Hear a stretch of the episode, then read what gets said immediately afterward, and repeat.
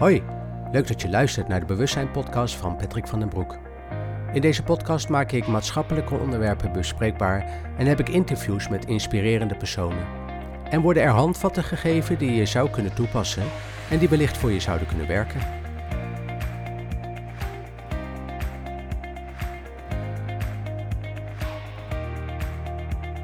Zullen we gewoon beginnen? Nou, laten we maar gewoon beginnen. Ik ben Ja. benieuwd naar je vraag. Ja, leuk Eduard eh, om deze podcast zo met jou eh, op te mogen nemen. Ehm, het, het hoofdthema waar we het over zouden hebben is dus inderdaad persoonlijke ontwikkeling. Hè? Want Ja. eh, persoonlijke ontwikkeling, daar valt ook onder een stukje bewustwording van jouw onbewuste. Precies, ja. Eh, wat gebeurt er nou eigenlijk op onbewust niveau en, en, en, ehm, en hoe vertaalt zich dat dan naar wat we denken bedacht te hebben, hè? zou Ja. je kunnen zeggen. Precies. Ehm, nou ja, we hadden een aantal vragen die we zouden gaan behandelen. En als je nou denkt bijvoorbeeld aan het onderwerp persoonlijke ontwikkeling, wat is dan jouw grootste frustratie?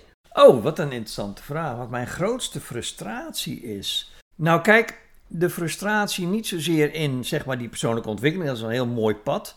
Maar waar ik wel eh, zeg maar soms met verbazing naar kan kijken. Ik geloof niet dat ik het een frustratie kan noemen. Maar waar ik met verbazing naar kan kijken is dat we heel veel waarde hechten aan zeg maar alles wat eh, de wetenschap doet. En feitelijk staat dat ook een groot deel van de persoonlijke ontwikkeling in de weg. De wetenschap kan helemaal niets met dromen.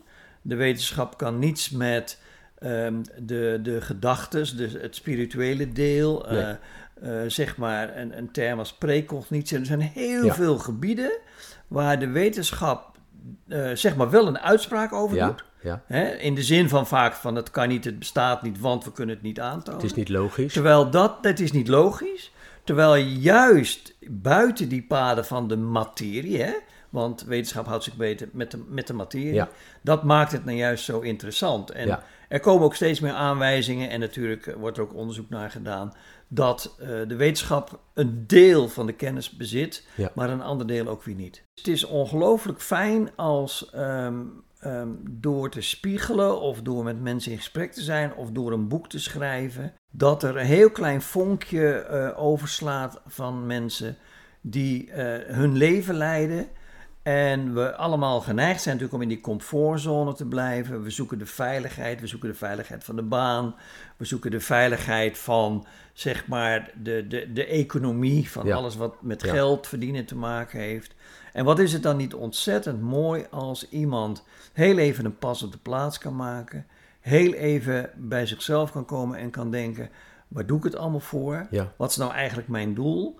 En een van de belangrijkste vragen is: welke zin geef ik aan het leven? Wat is mijn zingeving eh, terwijl ik hier gewoon een bepaalde tijd rondloop? ja, Ehm, er zijn mensen in deze wereld die eh, dus onderzoek doen naar wat wij noemen eh, het veld waarin onze gedachten en alles wat wij doen. Het is, gaat over bewustzijn. mhm, En als je praat over persoonlijke ontwikkeling, gaat dat dus over een bewustzijnsontwikkeling. ja, En die bewustzijnsontwikkeling, die gaat heel erg de richting op van dat wij niet precies weten waar het bewustzijn vandaan komt, waar het zetelt. mhm? Er zijn natuurlijk een heleboel boeken geschreven over dat mensen menen dat het zetelt in je brein. ja, Maar er zijn een heleboel eh, theorieën die daar tegen pleiten. En, en dat is interessant om te Ja. zien. Er wordt enorm veel geld eh, gespendeerd aan onderzoek. En toch is het nog niet gelukt om het bewustzijn eigenlijk daar neer te leggen. Ja. En alhoewel wetenschappers beweren dat het daar zit. Hè? mhm, Nou, er is een andere wetenschapper, Rupert Sheldrake. mhm, En Sheldrake zegt van nee, het is net als gravitatie. Mhm. Gravitatie houdt de, de, de massa's bij elkaar. Ja. Zegt eh, Rupert Sheldrake, ehm, nee, eh, het bewustzijn zit ook om ons heen. Ja. Het is niet gezeteld in een brein, maar het brein is aangesloten op het bewustzijn. op het. Nou, voor de, eh, voor de eh, gemiddelde luisteraar zal dat misschien wel een wat merkwaardig idee zijn. Ja. Maar er zijn heel veel aanwijzingen dat dat idee ook wel kloppend is. Ja. En eh, daar zijn ook onderzoeken naar gedaan. Dus ik, ik, ik vind persoonlijke ontwikkeling is, is dat je je ontwikkelt in wie je zelf bent. Mhm, En daar dus gebruik maakt van moderne inzichten die niet alleen door de wetenschap worden aangedragen. Mooi. En nou heb jij uh, in de tijd heb je natuurlijk ook een prachtig hulpmiddel daarvoor uh, ontworpen en gecreëerd. Ja, hè? De, ja. de ACT-meting, de Analytical Competence Tool. Hoe, hoe helpt deze meting bij het inzichtelijk maken, volgens ja. jou? Ja, dat is, dat is wel interessant. Um, ik studeerde zeg maar uh, in Nijmegen en, mm -hmm. um, en uh, analytische psychologie, dus dat is de psychologie van het onbewuste, hè, de, Ja. de Jungiaanse psychologie. En het is heel interessant uh, dat we toen tot de ontdekking kwamen van feitelijk als je vragen stelt Mhm. in een, in een competentietest of in welke test je dan ook maar kan bedenken, Ja. Daar zijn wereldwijd zijn er honderden verschillende testen en ze hebben één ding gemeen. Ze he- hebben een lijst met vragen. En vragen, dat is dus weer die cognitie, dat is weer dat gedrag. Ja. Dus een vraag komt nooit binnen bij jou, ook al lijkt het soms dat het een emotie oproept, et cetera.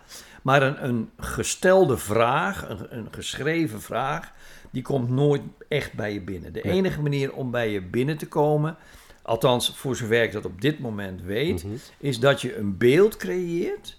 En dat beeld roept iets van binnen aan, iets van je gevoel aan. Dat gaat voorbij je hoofd.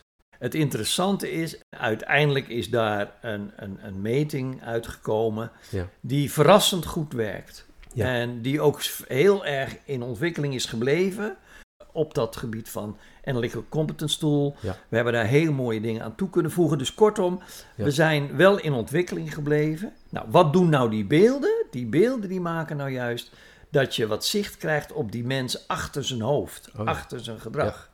En dus hebben we een combinatie gemaakt. We hebben beelden waar iemand uit kan kiezen. We hebben stellingen, vragen eigenlijk.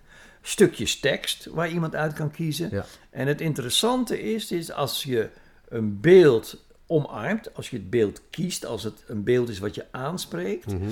En de teksten die je daarbij kiest, want dat is allemaal achter de schermen, wordt dat allemaal samengebouwd. dan zie je eigenlijk in één oogopslag aan de uitslag, als iemand een beeld kiest wat past bij de teksten, dan is dat een, natuurlijk, een natuurlijke kracht. Dat is wat hij van nature doet. Ja. Maar als die teksten kiest die bij een afgewezen beeld eh, terechtkomen, dan blijkt uit de praktijk, en we hebben dus 200.000, we Ja, hebben echt enorm ervaring veel ervaring al ja. daarin. Dan blijkt dat iemand eh, dat niet van nature doet en dat dat een aanpassing is om zich staande te houden in het leven. Ja. En die meting geeft dus in eh 12 minuten. En, en dat is ook wel interessant. Hè? Dan Ja. doen mensen die meting in 12 Ja. minuten en zeggen, nou wat kan daar nou precies. uitkomen? Dat was mijn reactie ook toen de tijd. Precies, daar kan helemaal niks uitkomen. Nee. En dan blijkt dat je daar echt ongelooflijk veel uit kan halen. Ja. Er zitten heel veel lagen in de meting. Ja. Dus als je de meting zelf doet, dan heb je eigenlijk alleen maar zicht op één laag. Ja, precies. Maar daar blijken dus nog zeven lagen onder te zitten. En die kun je allemaal uitvragen.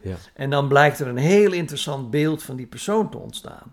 Dat je je afvraagt waar je gedrag nou werkelijk vandaan komt. En dan niet het, het gewone faire gedrag, maar het gedrag als je onder druk komt te staan. Ja. Wat gebeurt er met mensen als ze onder druk komen te staan? Je ziet het aan, aan leiders die macht krijgen. Mhm. Je ziet het in je eigen omgeving. Iedereen heeft wel de ervaring dat hij iemand kent. Wat een geweldig leuk mens is, waar, je, eh, die, die normaal is. En dan krijgt hij macht binnen een organisatie, binnen zijn team. En dan verandert er iets. Dan ineens blijkt dat ehm, die mens zijn andere kant laat zien. De kant die hij altijd niet heeft hoeven laten zien. Maar nu Mhm. komt er een, een vorm van druk en een vorm van macht. En dan laten ze kanten zien die ze van zichzelf niet kennen. Maar die ze wel, eh, zeg maar, onbewust, eh, die hun drijft op een andere kant van hun gedrag te laten zien. Ja. En, en die veranderingen, die, die zelfreflectie, die zouden we echt wat meer mogen, mogen tonen. En dat gaat de goede kant op. Ja.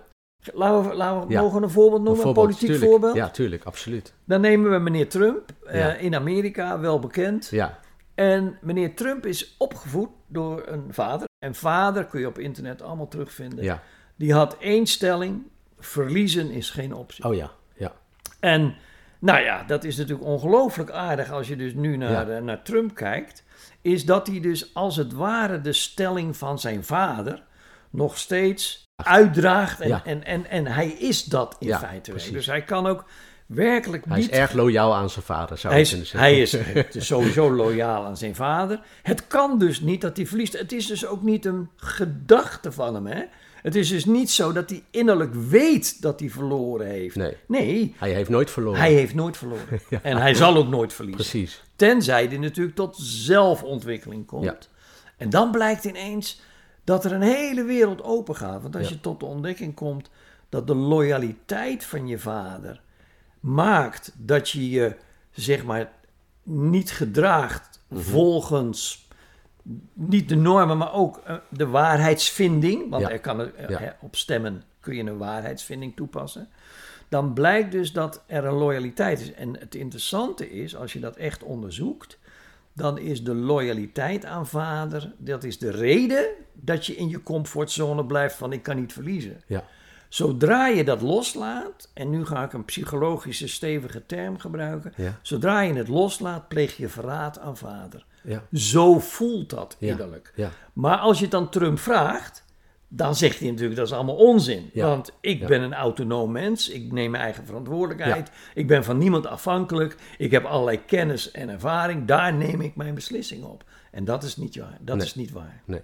En denk je dat bijvoorbeeld zo'n man als Trump nog daarin zou kunnen veranderen? Dat hij daar bewustwording op zou Iedereen, kunnen iedereen, als je 83 bent, 95, Ja. Het gaat absoluut de goede kant op. je, je kan al waarnemen dat daar, dat daar Absoluut. Transformatie in zit. Dat het heel, misschien weliswaar heel langzaam, maar wel dat ja, er iets het is, gebeurt. het, er, er is echt een transformatie op gang. Mensen zijn steeds meer geïnteresseerd. Ik ben 20 jaar bezig met die beelden. Ja, Nou, de allereerste keer dat ik het deed met die beelden en mensen die beelden liet zien via kaartjes toen Mhm. nog. Die mensen die, die, die hadden heel veel moeite met, eh, met, die, met die beelden. ja, ik gaf ze de set, dus de kaartjes. En dan had je een CEO van een bedrijf en dan had hij die kaartjes in zijn hand. En dan las hij ze razendsnel en dan deed hij ze zo achterste. Hè? Dus hij, hij, hij werkte dat, die DO-kaartje en pakte er gelijk uit welke die vond. En die beelden, daar begon hij met te zuchten en te steunen. Wat moet ik daar nou mee? ja, Hè, want dat kan je logisch niet, je kan het niet pakken met je verstand. nee, Je zult het echt met je gevoel moeten doen, Ja. met je intuïtie. ja, En, en, en je merkt nu dat daar een hele andere tendens is, dat we veel meer geneigd zijn. We zijn ook veel meer geneigd om, eh, om naar ja, mensen te luisteren die niet de wetenschap als basis nemen, maar de gevoelslagen die er zijn. ja. Ehm, hè, eh, Edith Eger is daar een prachtig Ja. voorbeeld van. Die hebben we ook in de Ja. opleiding eh, Riding the Tiger. Ja. Hè, bij bij Die- jouw bedrijf, de Culture Nature Company, hebben we dat toen gehad. Daar heb ik ook zelf aan mee mogen doen. Ja, en daar komen zeg maar dat soort ehm, belangrijke voedingsstoffen, zou ik Ja. het haast willen noemen. Die belangrijke vonken van het leven, die bepalen uiteindelijk op welke wijze jij jezelf durft te ontwikkelen.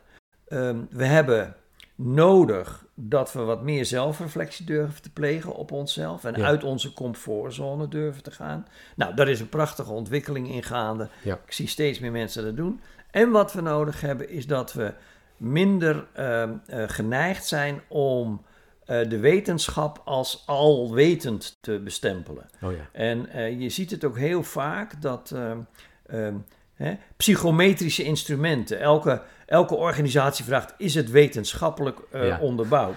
Maar er zijn geen instrumenten, geen persoonlijke testen die wetenschappelijk onderbouwd zijn. Hè? Je kunt een IQ-test maken, die kan je dan wel redelijk valideren, maar uiteindelijk blijkt dat ook zeg maar niet houdbaar te zijn. En als je dus strikt wetenschappelijk denkt, besta jij feitelijk niet. Want jij kan niet statistisch beoordeeld worden. nee, Dus de wetenschap is natuurlijk gebaseerd op de, op de aanname van de grote getallen. Ja. En als er iets uniek is, dan, ja, dan zijn wij het waar de grote getallen. Natuurlijk kan je een hoop zeggen over de grote Mhm. getallen. Hè, maar zeg maar, de echte unieke mens, die zul je nooit tegenkomen in de statistiek. nee.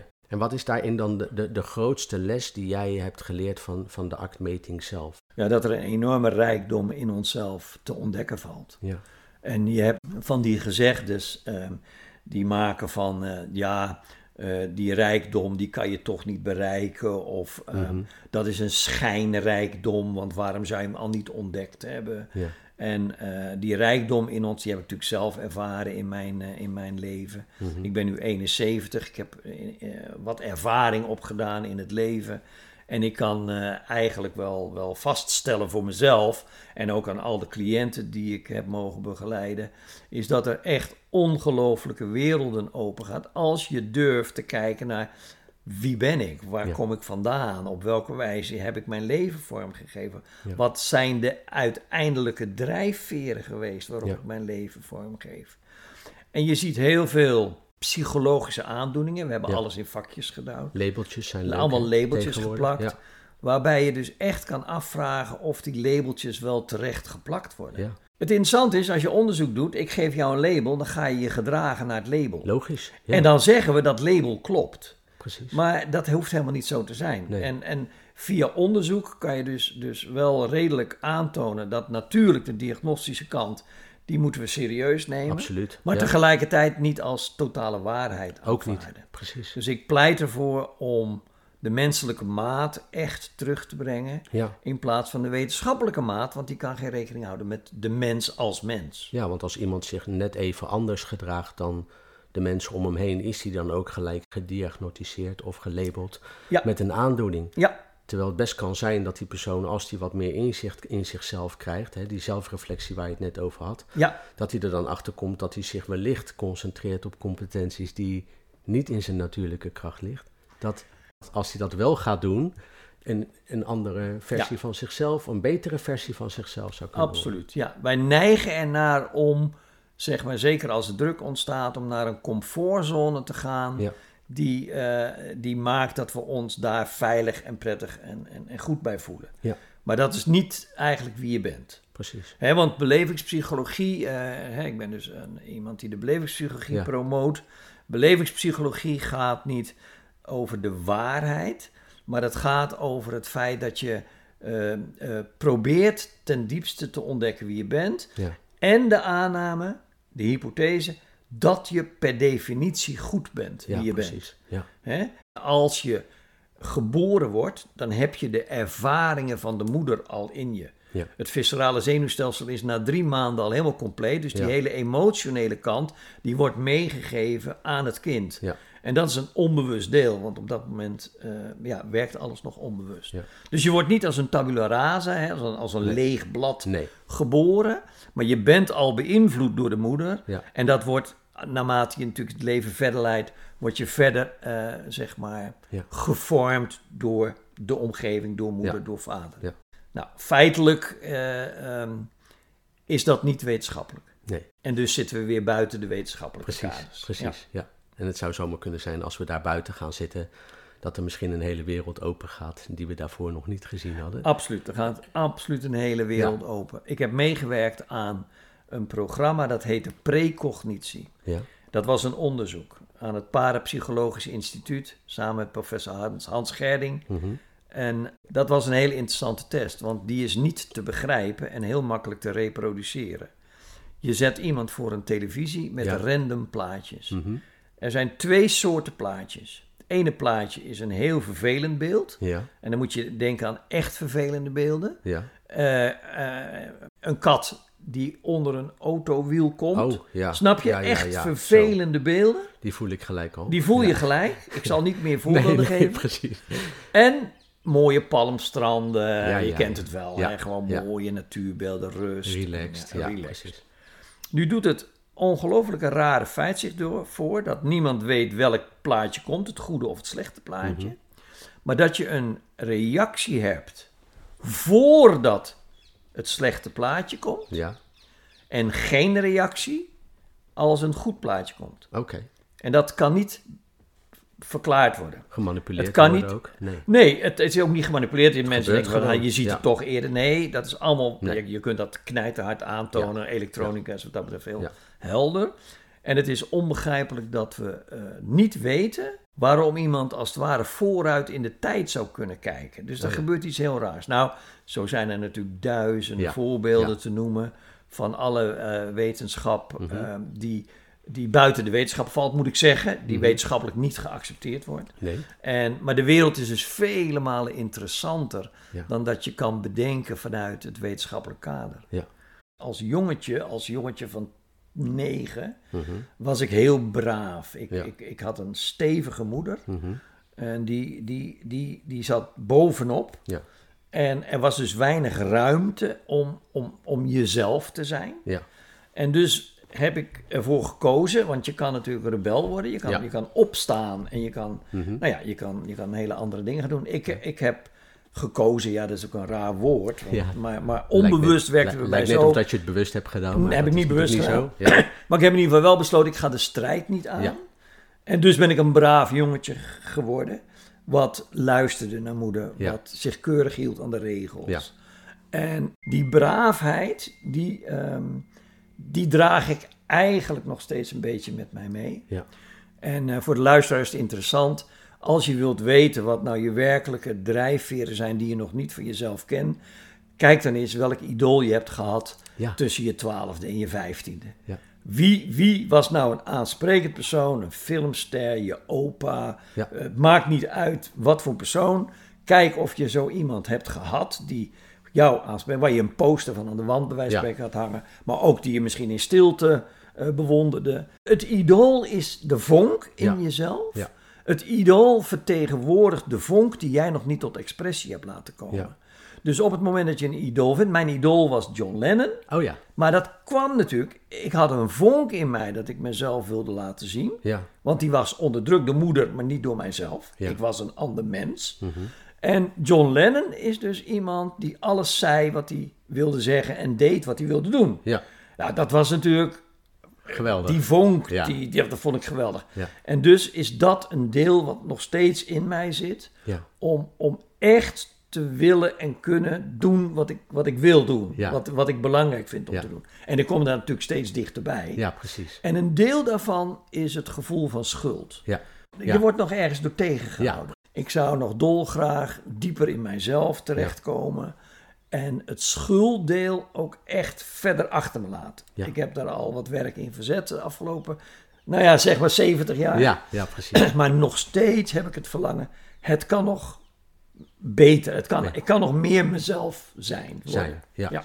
Belangrijkste voor is de individuele mens. En ik zou eh, die willen ehm, dat die zich ontwikkelt vanuit de zingeving die die ervaart. Mensen die voor zichzelf een zingeving hebben, dus niet een zingevingsvraagstuk Nee. van waarom zit ik in dit team, waarom doe ik dit werk, Nee. maar die echt ervan uit, vanuit overtuigd zijn van dit is wat ik te doen heb op dit moment in mijn leven. En dus daar ook zingeving uithalen. Ja. Dat is het belangrijkste om te ontdekken. Dat is dus waar je een, een ACT, een, hè, een Ja. act voor kan Ja. inzetten. Namelijk die zingevingsvraagstuk. Ja. Hè? Depressie zou je kunnen zien als depressie. Maar mijn eerste vraag altijd bij een depressief persoon is: wat voor baat heb je erbij? Ja. En wat dan blijkt is dat het onderliggende deel van een depressie is dat de zingeving ontbreekt. Ja. En voor de luisteraar is het misschien belangrijk, maar als je boekjes leest van Viktor Frankl, Ja. Die heeft heel veel onderzoek gedaan daarna, die heeft in een concentratiekamp gezeten en Ja. kwam tot de ontdekking daar dat niet degenen die het minste werk hadden, of het sterkst fysiek waren, of het meeste eten hadden, die overleefden, Ja. maar de mensen die zingeving hadden. Ja. Die nog steeds in die erbarmelijke omstandigheden konden denken: ik heb een zin. Mijn leven heeft nog zin. Ja. En het is heel belangrijk dat de mensen een, het, het, het gevoel hebben: dit is mijn plek, hier hoor ik thuis. Ja. Voor mij is, is staat altijd centraal: als je een vraag hebt, stel hem. En, en dan, kunnen we, dan kunnen we gaan spiegelen doordat Ja. ik wat vragen stel vanuit de kennis, maar ook vanuit het feit dat we mens tot mens zijn. Ja. Ja, dat is mooi. En, en dat is ook wel, ja, dit is ook wel wie ik ben. Ja. Zo van, Ja. ik ben geen mens die helpt, want dat Nee. plaatst me gelijk in een soort positie. En dat wil ik niet. We Alsof zijn- die ander hulp nodig heeft. Op een of alsof die andere, ja, dat is, dat is echt allemaal, dat is allemaal voor mij niet weggelegd. Nee. Ik vind het ontzettend mooi om in gesprek te gaan. Ik heb niet de intentie dat ik je kan helpen, maar ik heb wel het gevoel dat door de ervaringen die ik heb en de vragen die je kan stellen, dat ik daarmee, zeg maar, iemand zodanig kan spiegelen dat hij erover na gaat denken. Ja. En dat hij gaat navoelen. En, en dat hij daarmee weer een stukje inspiratie voor zichzelf krijgt. Dan, dan kom je weer op dat punt zelfreflectie. Exact. Eigenlijk moedig je dat proces van zelfreflectie Ja. aan. En het proces blijft natuurlijk altijd bij degene die Ja. tegenover je zit. Ja. Daar komt het op neer. Absoluut, ja. Ja. Er zijn zoveel mogelijkheden om jezelf te ontwikkelen, dat eh, het, het excuus van ik heb geen tijd of ik heb geen mogelijkheden, die zijn er helemaal niet meer. Eigenlijk niet. Want Nee. in vijf minuten tijd zou je echt heel veel kunnen bereiken. Ja. Als je maar de aandacht ervoor hebt en de zin en de wil Ja. om het te doen. Hartstikke bedankt, eh, Eduard Baas, voor deze, deze mooie podcast en eh, het mooie gesprek wat we hebben gehad. En ehm, nou, als mensen nog meer geïnteresseerd zijn om, eh, om, om meer te willen weten over de actmeting, over de programma's die jullie hebben, dan kunnen ze bij jou terecht, bij de Culture Nature Company. Als ze daarvoor bij jou terecht willen, waar kunnen ze daar dan voor terecht? Oh, ze kunnen gewoon op de website kijken, de Culture Nature Company, tcnc.nl. Nou, dan komt het allemaal Komt in het orde. allemaal in orde? Ja. super. Nou, hartstikke bedankt, Eduard.